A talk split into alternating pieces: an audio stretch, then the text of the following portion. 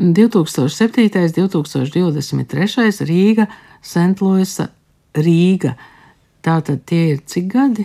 Tikai 15. Tikai 15. Kā radās tā tava interese tieši par Gunāru Saliņu toreiz, 2007. vai pat agrāk? Uh, tas bija agrāk, jo šis ir otrais sējums. Pirmais sējums iznāca 2006. gadā, sen sen. Un tur jāsaka paldies ir toreizējai apgāda Valters un Rapa vadītājai Sigitai Kušnerei, kura toreiz tā saucamajos traknajos gados darīja daudz labas lietas. Šī apgādā iznāca, sāk iznākt Veronikas Strelertas rakstī, iznāca Andreja Eglīša raksti, sākās Gunāra Saliņa raksti, Elzas Česberes raksti un vēl citas svarīgas lietas tur iznāca. Un eh, dažādu iemeslu dēļ starp abiem sējumiem ir ļoti liela gadu starpība.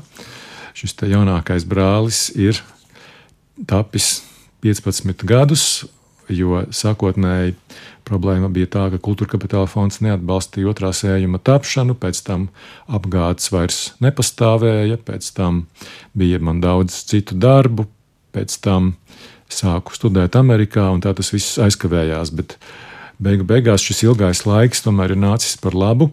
Un šajā sējumā bija iespējams ilgi un rūpīgi censties satilpināt visu, kas man bija pieejams no Gunāra Saliņa arhīva, no viņa atstātajiem tekstiem. Es um, gaidot uh, pie studijas durvīm, iekritu Gunāra Saliņa autobiogrāfijā. Viņš it kā ļoti vienkārši raksta, bet um, tik dzīvi, nu, ka tu vienkārši gribi turpināt lasīt un lasīt un, un lasīt. Tā viņa autobiogrāfija kaut kur tika publicēta pirms tam.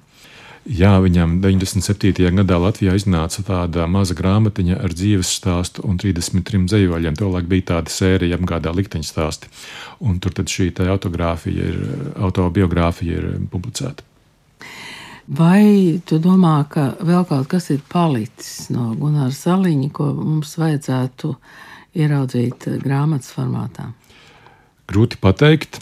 Iespējams, ka kādreiz būtu labi apkopot arī viņa vēstules, taču tā ir tāda daļa, ko es līdz šim neesmu tā metodiski pētījis tikai par tik, par cik tās dod man viņa dzīves faktus. Tā kā jā, pagaidām šis rakstus izdevums man šķiet noslēgts, bet es domāju, ka nākotnē man noteikti vēl paslīdēs kāja pētniecībā. Es eh, laikam atšķiru tieši to vietu, kur viņš raksta, kā viņš satiekas ar Lināru Taunu, kad viņi iet klausīties Dievs tavu zemedegu un, un kā viņi tur sapazīstas. Tas Elis ķēķis, um, tas ir vēl pētāms, vai tur vairs neko nevar daudz atrast? Faktiski jau visas lietas ir pētāmas bezgalīgi arī Šekspīrs, arī Homērs un pilnīgi visi, un arī Ēlis ķēķis. Un tieši nākamais 2024. gads ir īpašais gads, kad Ēlis ķēķa vārds atkal tiks daudzināts, jo tas ir Gunāra Saliņa simtgades gads. Tas ir arī citu Ēlis ķēķa pārstāvju simtgades gads Jāņa Krēsliņa, Mudītas Austriņas, Valdemāra Avena, Un ap to pašu laiku turpat netālu ir dzimuši arī daudz citi no tiem, kas toreiz tur darbojās. Turklāt visu lietu brīnišķīgā sakarā tas ir arī surreālisma dzimšanas simtgada. Un surreālisms ir arī viena lieta, kas ir saistīta ar Elas ķēķi. Viņi varbūt sevi īsti nedēvēja par surreālistiem, tādā ziņā, kādā to saprata franču surreālisti, taču eh, modernisma poētika, un tā skaitā surreālisma poētika, viņiem bija interesanta. Eh, Gunārs Saliņš arī šajā sējumā min, ka tieši Mudītas austriņas referāts par surreālismu 1951. gadā bija tāds notikums, kas ļāva satikties šai jaunajai paaudzei ar interesēm par moderno dzēju. Tur laikam vienā teikumā ir rakstīts, ka viens um, lasīja par surreālismu, otrs par eksistenciālismu. Tieši tā bija. Tad uh, vai tie nākamā gada plāni ir mazliet atklājami?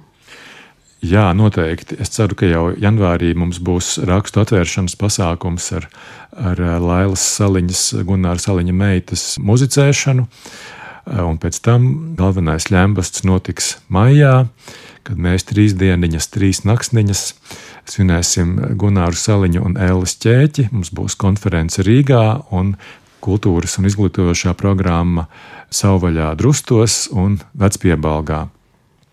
Uz šo brīdi, es ceru, būs gatavs arī vēl viens projekts, Mudītas Austriņas darbu izlase, kas pirmo reizi apkopos viņas kā rakstnieces devumu, jo man šķiet, ka ir ļoti svarīgi parādīt, ka viņa bija ne tikai mūza, jūsmotāja, atbalstītāja un jauka dāma, bet ka viņa pati arī bija ļoti interesanta, novatoriska rakstniece, kuras stils ietekmēja arī viņas vēlāk jau slavenos draugus.